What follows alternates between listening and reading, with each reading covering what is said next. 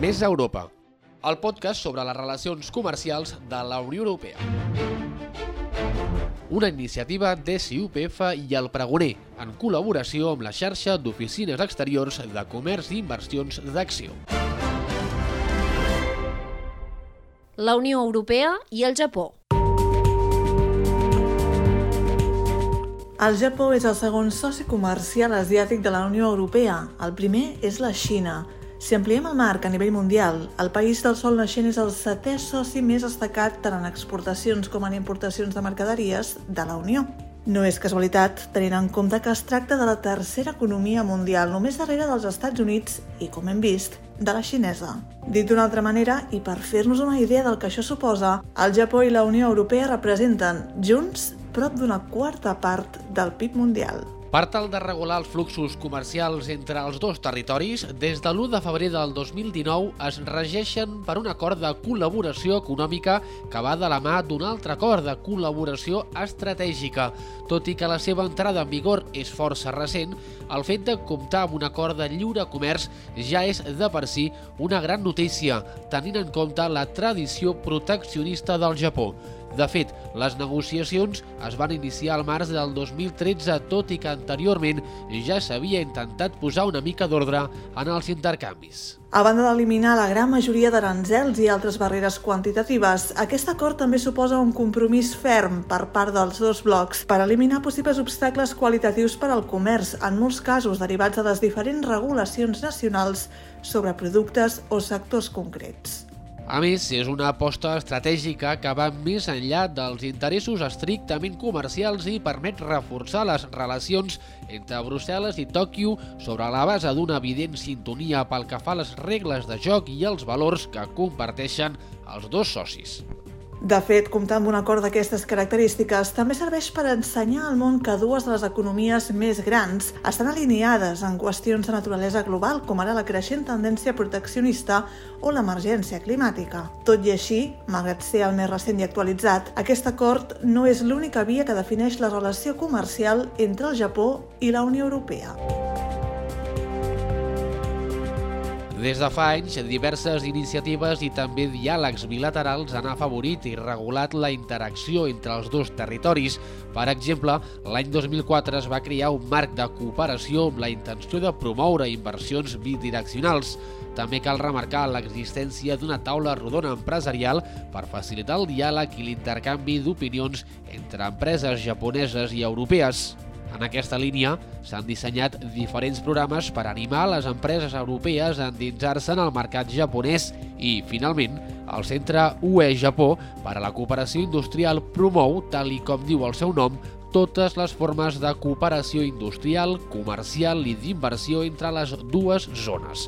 A més, ofereix ajuda a les empreses de la Unió Europea i del Japó enfocades a l'intercanvi d'experiències i coneixements fent un èmfasi especial en les pimes. La importància i la necessitat de tot acord comercial són evidents, però fixem-nos en la realitat que comparteixen aquests dos territoris. Segons les últimes xifres, les empreses europees exporten al Japó prop de 70 milions d'euros en béns i 28 milions en serveis. Anys enrere topaven amb nombroses barreres comercials, com ara taxes elevades sobre alguns tipus de productes o normes complexes que dificultaven l'activitat i la competència. Per això, entre d'altres novetats, amb l'acord del 2019, el Japó reconeix més de 200 denominacions d'origen comunitàries i viceversa, un fet que alhora protegeix els productors i agricultors europeus que venen a l'estranger. A més, L'acord vigent de lliure comerç obre el mercat de serveis japonès a les empreses de la Unió Europea i els ofereix també la possibilitat d'accedir a cursos de contractació pública al Japó. I, entre d'altres, l'acord també va dirigit cap al creixement de la tecnologia verda amb la disminució de les importacions de combustibles fòssils. D'altra banda, busca dissenyar normes que garanteixin un comerç lliure i just. En aquest sentit, la bona sintonia entre la Unió Europea i el Japó també es projecta en el seu compromís a seguir apostant per l'esquema multilateral del comerç global i el rol centrat de l'Organització Mundial del Comerç. De fet, la relació comercial tradicional entre la Unió Europea i el Japó acostumava a caracteritzar-se per grans excedents comercials a favor del Japó. Les xifres es van anar anivellant de manera progressiva entre 2009 i 2019, quan les exportacions de la UE al Japó van assolir els 61.000 milions d'euros. Si especifiquem una mica més, les importacions del Japó a la Unió Europea són majoritàriament de maquinària, vehicles de motor, productes químics, instruments òptics i mèdics i també plàstics. Cap a una altra direcció, les exportacions de la Unió Europea al Japó provenen també en gran part d'aquests sectors, però en aquest cas hi hem d'afegir aliments i begudes. En clau de serveis, el comerç total entre la Unió Europea i el Japó representa prop del 35% del comerç total de mercaderies entre aquests dos territoris.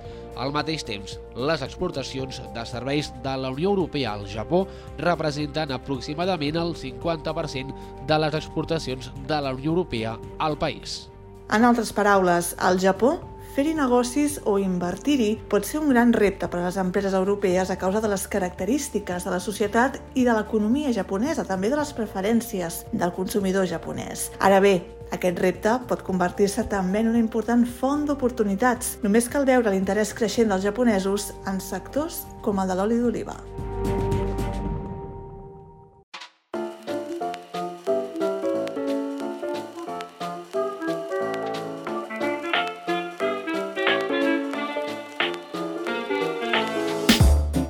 Kishimoto és la directora de l'Oficina Exterior de Comerç i Inversions de Catalunya a Tòquio. És experta en dret i relacions internacionals i gran coneixedora tant de la realitat empresarial europea i catalana com de la societat i les formes de fer negoci del Japó. Està així al capdavant de l'Oficina d'Acció a Tòquio, que va ser la primera oficina a l'estranger del govern català el 1988 i té la doble funció d'internacionalitzar empreses catalanes i captar inversions cap a Catalunya. Yuko Kishimoto, buenos días. Muy buenos días. Acabamos de analizar el origen del acuerdo de libre comercio. Eh, ¿Consideras que este acuerdo era necesario? Sí, la verdad es que bueno, eh, este acuerdo ha sido muy necesario para empresas europeas, porque bueno, el acuerdo de libre comercio eh, era bueno, muy necesario y Japón ya había firmado este tipo de acuerdos con algunos otros países, eh, competencia de la Unión, Unión Europea, digamos, tales como con México, Chile o Suiza o con Australia. por ejemplo, me gustaría citar un caso de los vinos chilenos hasta el año 2014, Francia había sido siempre el país que más exportaba vino a Japón. Pero después del año 2015 fue sustituido por Chile. Desde entonces, Chile sigue siendo el primer exportador de vino a Japón. Japón firmó este acuerdo de libre comercio con Chile el año 2007 Chile realizó unas campañas de promoción potente y consistente. Después de siete años, sobrepasó Francia y se convirtió el primer exportador de vino a Japón y sigue manteniendo esta posición al día de hoy.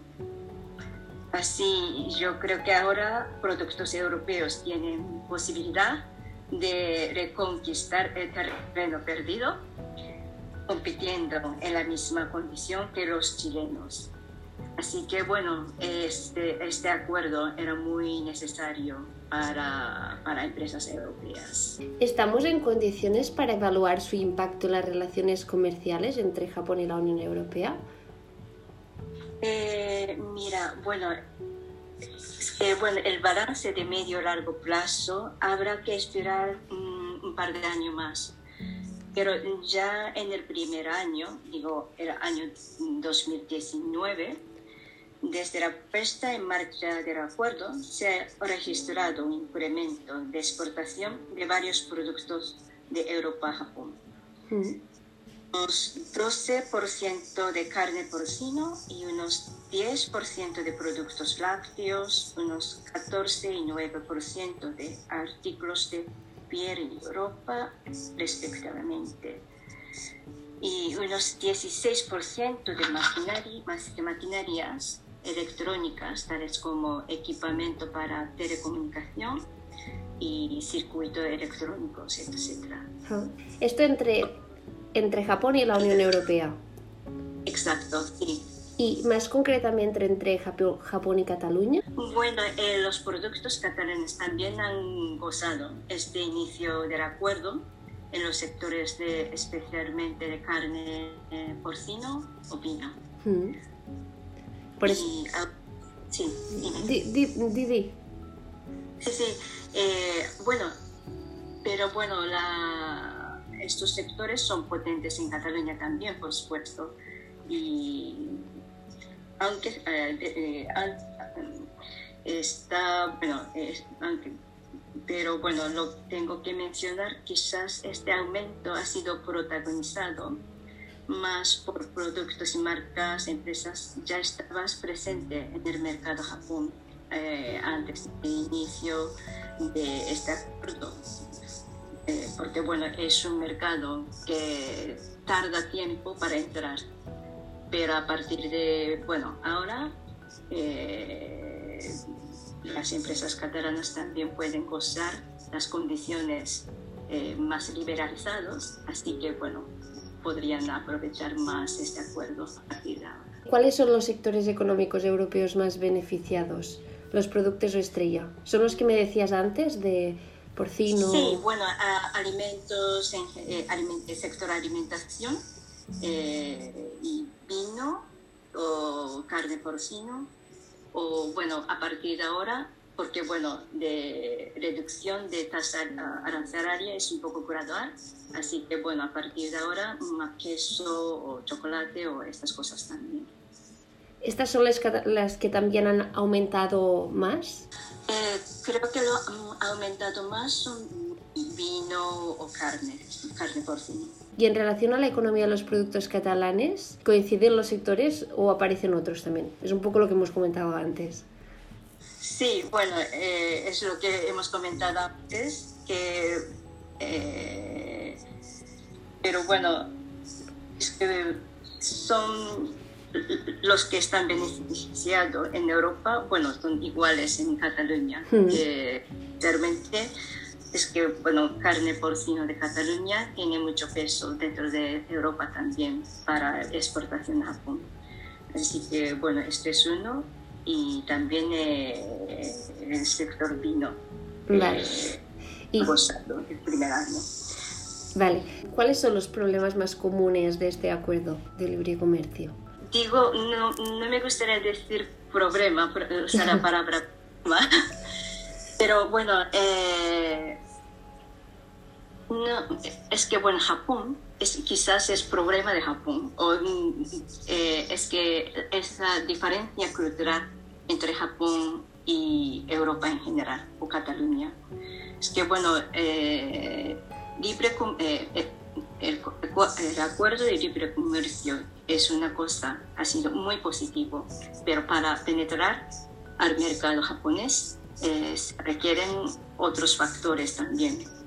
Que eh, normalmente empresas japonesas, importadores, digamos, eh, quieren establecer una relación mm, de confianza antes de empezar negocios con cualquier empresa extranjeras. Pero bueno, por parte de Europa o Cataluña también, normalmente quieren, desean resultado más inmediato. Y aquí hay una discrepancia grande de, bueno, cómo hacer negocio, cómo empezar negocio. Esto es, bueno, no es de, bueno, problema de, de acuerdos, sino que, bueno, acuerdo es muy bueno para que eh, productos o empresas europeas y catalanas puedan competir con otros países, pero eh, hay otros eh, factores mm, que, de Japón que también es difícil entrar. Así que bueno, ah, hay que prepararse con tecnología, ah, no, perdón, con estrategia ah, clara para entrar en Japón. ¿Esto podría ir asociado a la cultura japonesa?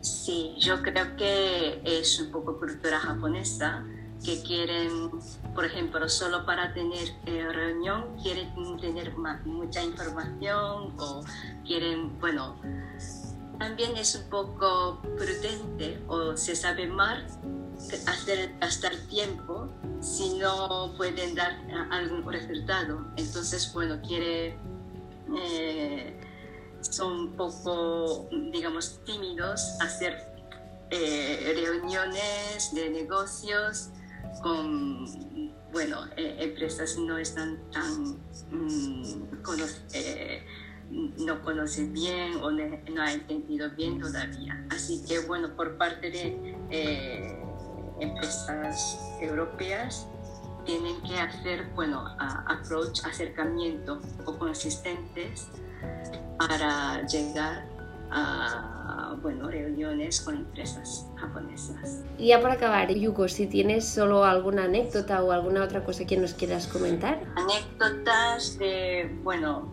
eh, de, bueno, no exactamente, es que anécdota para que, bueno, eh, tengan que tener paciencia. Quizás, bueno, una marca de vino que atendemos hace dos años o dos años y medio, ahora está apareciendo en el mercado de japonés. Así que, bueno, que tengan paciencia, por favor. Nos lo apuntamos. Eh, muchas gracias, Yuko, para atendernos. Gracias a ti.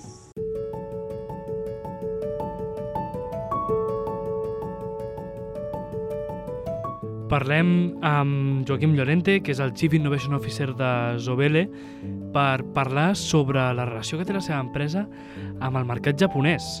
Molt bona tarda. El que primer volem fer és uh, explica'ns uh, exactament eh, què feu a la vostra empresa, uh, a què us dediqueu, qui sou, eh, una mica per posar-nos en, en context de amb qui estem parlant. Molt bé, bona tarda. Mira, nosaltres som, abans de res, explicant, nosaltres som una empresa B2B. Vol dir que no som una empresa que va directament al consumidor. El que fem nosaltres és innovem, desenvolupem i fabriquem per marques, per empreses que tinguin marca. Això com funciona? Doncs normalment eh, les empreses ens contacten o bé perquè ja tenen algun concepte eh, definit, però no saben com desenvolupar-lo i fabricar-lo. Ens en posem nosaltres amb les seves idees. I la major part del temps, de fet, el que fem és identifiquem les necessitats de mercat que tenen ells perquè volen créixer amb la categoria, perquè la competència els està atacant, els busquem una solució de producte, els desenvolupem o els fabriquem. O bé, inclús el que arribem a fer és els recomanem nosaltres, en funció de les tendències del mercat, les dels consumidors, quins serien els beneficis que els fan falta, innovem en conseqüència, desenvolupem el producte en conseqüència i els hi fabriquem. I això ho fem bàsicament en dues grans categories, tu pensa que normalment el nostre producte acaba en un supermercat. I normalment acaba en el lineal de drogueria perfumeria d'un supermercat o acaba en el lineal de uh, productes de d'ús personal. És a dir, si parléssim de drogueria, perso uh, de drogueria personal i perfumeria, estaríem parlant amb alimentadors insecticides, que són líders mundials. Suposo que coneixeu marques com Airwick, Ambipur, uh, Glade, tot això són nosaltres, estem tots darrere normalment innovant i desenvolupant o si parlem de productes de, de, de la llar, també estaríem parlant de detergència, estaríem parlant de neteja, sempre intentem amb valor afegit. I si estem parlant de productes més d'ús personal o de bellesa, doncs que cremes eh, d'ús personal, eh, locions, etc. Això és el que fem nosaltres.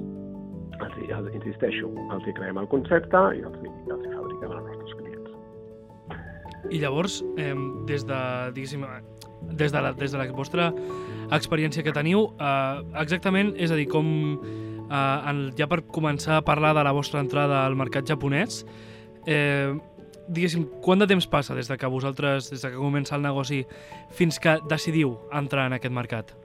Clar, tu pensa que nosaltres ja érem al Japó, d'una forma indirecta. Nosaltres som una multinacional que, per cert, té el centre d'innovació a Mundial a Barcelona, i nosaltres ja estàvem treballant, treballant amb el que s'anomena les Fast Moving Consumer Goods Companies, és a dir, les grans multinacionals d'aquests sectors de gran consum, que per tant estan venent a tot el món, incluït Japó. Per tant, nosaltres ja havíem eh, desenvolupat i estàvem fabricant a les nostres fàbriques productes per ells. Per ells. ells tenen, eh, deixem dir, un, una, una, un foc una mica més tradicional al Japó. És a dir, tots ells tenen empresa al Japó amb japonesos allà, correcte? I fins, aquell, fins a aquella època, ja parlo de fa uns quants anys, aquesta era la relació que teníem amb el Japó, molt indirecta. A través del pla estratègic que vam desenvolupar, vam determinar, a més, que tenen oportunitats per nosaltres de buscar clients locals i ens, ens hi vam posar. Ens hi vam posar a entendre com nosaltres podríem directament poder vendre a les marques japoneses en el mercat de Japó. Això va ser el primer anàlisi que vam fer. Arrel d'aquí va començar l'aventura, no? No és el mateix que tu parles amb una multinacional que localment ja té la seva gent, a tu directament parlar amb una empresa japonesa. Per tant, el que teníem molt clar és que des de Barcelona vendre directament al Japó és pràcticament impossible si no tenies ajuda. Perquè el mercat del Japó és un mercat radicalment, en molts aspectes, diferent al nostre. Començant des de la mentalitat del consumidor, que en molts aspectes és diferent a la que tenim aquí a casa nostra, i també en la forma que es fan els negocis.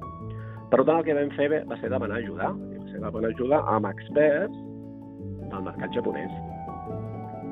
I no estic parlant necessàriament perquè jo crec que hi ha molts mites de com s'has de preparar les reunions, de com són els japonesos, de ves en compte amb el que dius o el que no dius, això, per mi, ja està demostrat a la nostra empresa que està en un segon pas, clar que és important però no és definitiu, el que és molt més important és que entenguis a identificar les seves necessitats i com poder eh, comunicar-li que tu com a empresa pots transformar-te en un partner per a ells i podem fer negocis junts. Un dels grans aprenentatges és que els japonesos no busquen un proveedor, que busquen és un partner. És realment molt complicat fer la teva primera comanda, però un cop ets a dins, també és molt complicat sortir, perquè es busquen relacions a llarg plaç. De fet, en aquest sentit, sí que eh, et volia preguntar ja comentaves, no, no tant en, el, no, en, en, en aquest tracte, potser en aquestes coses que són una mica més mundanes, però eh, a, a l'hora de fer negocis, quins, quines diferències vau, vau trobar eh, respecte als negocis que, que estàveu fent eh, aquí a nivell europeu, a nivell d'Espanya, Catalunya? Mira, bàsicament, a part del món del consumidor, que podem parlar un altre dia si vols, de quines són les grans diferències de les necessitats que tenen la població japonesa respecte a la de casa nostra, eh, per molts motius, perquè la població doncs, es, es, es, està motivada per altres beneficis dels nostres, perquè la població eh, està envellint d'una forma diferent, per tant es va targetar una altra tipus de públic, etc. La forma de fer els negocis és un pes que mossega la cua, m'explico. És molt complicat fer negocis a Japó si no tens una reputació. Un cop tens la reputació, pots fer molts, molt, molt negoci, però com comences sense tenir reputació? I això és el que moltes empreses no acaben d'entendre, no? de com trencar aquest cercle viciós. Però es pot trencar, es pot trencar. I es pot trencar generant confiança. Pren temps, no tant com ens pensem, no tant com ens pensem, i contesto la teva primera pregunta, des que vam iniciar els nostres contactes fins que vam llançar producte, no van passar més de 6-7 mesos. Quan tradicionalment s'està parlant d'anys a, a vendre a Japó. No és necessàriament cert. Sempre i quan estiguis segur que tens el producte que encaixa amb el consumidor japonès i entenguis mínimament doncs, com contactar amb la persona correcta a dins de l'empresa correcta i traspassar aquesta informació. I actualment, eh, quin, què us està portant a fer negocis amb el Japó? Més enllà, evidentment, el que és més evident, que és eh, no, a nivell de, de, de volum de negoci vostre. Clar, el mercat de japonès és, és molt interessant. Pensa que uh, ja la, la, número de, la quantitat de població que hi ha al Japó és molt significativa. És un públic a més, és comprador, és un públic que no necessàriament es mou tant com es mou en altres països per un tema de cost, sinó es mou per un tema més de qualitat, això fa que també puguis obtenir uns marges molt més interessants. Per tant, hi ha un tema de profit, de benefici claríssim, i, i a més en, en, és un mercat molt fidel en aquest sentit. Eh, tu saps que una de les coses més complicades al món dels negocis no és obrir una compta, eh, és mantenir-la. I si tens un client que és fidel, és, molt, és tot molt més senzill. T'evita tornar a començar a, a girar la roda, no? Llavors, el moment que vam entrar amb un client, amb un projecte, perquè sempre hi ha un projecte de prova, això és així, sempre hi ha un projecte de prova, que no serà necessàriament en absolut referent del volum que tu posteriorment pots aconseguir, perquè el japonès no se la vol jugar. És, un, és una estructura molt jeràrquica, és una estructura de prendre molt poc risc i les coses es prenen amb una mica de calma. Un cop tu has demostrat, com hem fet nosaltres, que ets un partner de, de confiança, les coses comencen a anar extremadament ràpides. I uh, si vols ja entrem una miqueta més a, a, a, a nivell de formar part de la Unió Europea, de com eh, com a empresa europea pots entrar al Japó i una de les, una de les qüestions que estem tractant és, eh, arrel del de el gran pacte de lliure comerç que es va firmar entre el Japó i la Unió Europea fa relativament poc, eh, et volíem preguntar si això us ha ajudat d'alguna manera o si us ha suposat algun canvi en la forma en la que feu negoci, si per exemple us ha ajudat a, fer, a tenir més benefici, a, a facilitar algun tràmit, eh, una mica com, com us està anant des de llavors? Sí, no, correctament. Ah, la, la part més, eh, menys complicada o menys a tenir en compte efectivament avui en dia és la part burocràtica, administrativa, legal, perquè com bé estàs dient tu, les coses han canviat molt i és molt senzill des d'aquest punt de vista fer negocis al, al Japó. Doncs a nivell aduaner, com saps, doncs, no, és, és molt econòmic i molt senzill. Uh, la, la, la gran barrera és la barrera que explicava una mica més abans, és la barrera aquesta més cultural al nivell dels negocis. Per tant, uh, Europa ha fet un gran esforç doncs, per establir relacions comercials al Japó, però encara, encara falta molta més uh, uh, apoyo, suport, amb experts, praxis, pragmàtics, amb organització de negoci que t'ajudin realment a mobilitzar-te correctament a, i uh, ara just que comentaves no, que trobaves a faltar algunes coses, hi ha, hi ha algun punt més eh, que diguis, ostres, mira, aquestes coses encara encara ens està costant uh, uh, doncs accedir a certes, no sé si a certes ajudes, si per exemple eh, hi ha algun tràmit eh, que encara és molt farragós de fer, molt llarg de fer, hi ha, algun, hi ha alguna cosa que, que sí que en el vostre dia a dia us compliqui la vida que creieu que es pot, que es pot millorar?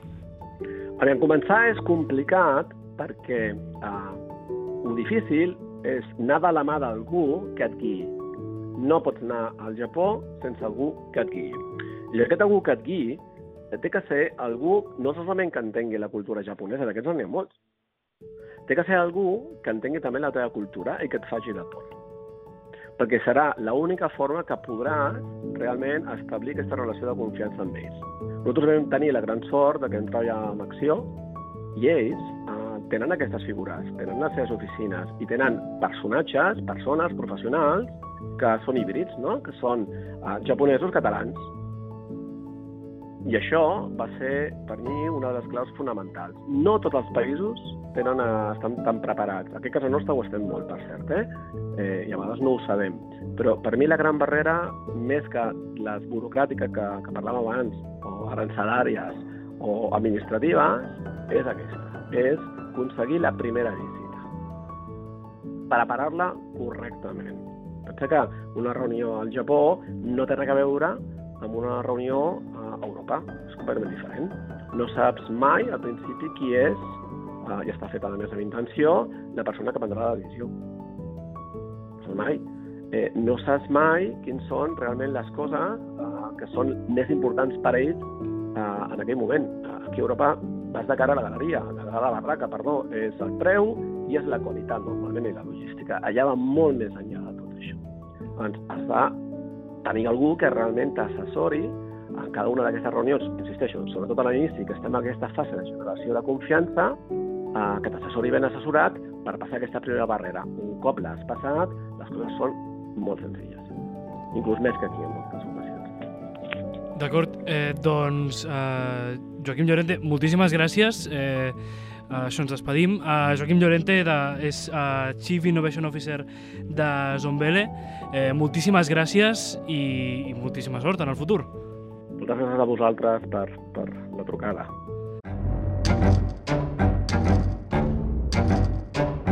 I fins aquí aquest espai dedicat a les relacions comercials entre la Unió Europea i el Japó. Si vols saber quin és l'estat de més acords entre el bloc comunitari i altres parts del món, no dubtis a escoltar els altres capítols.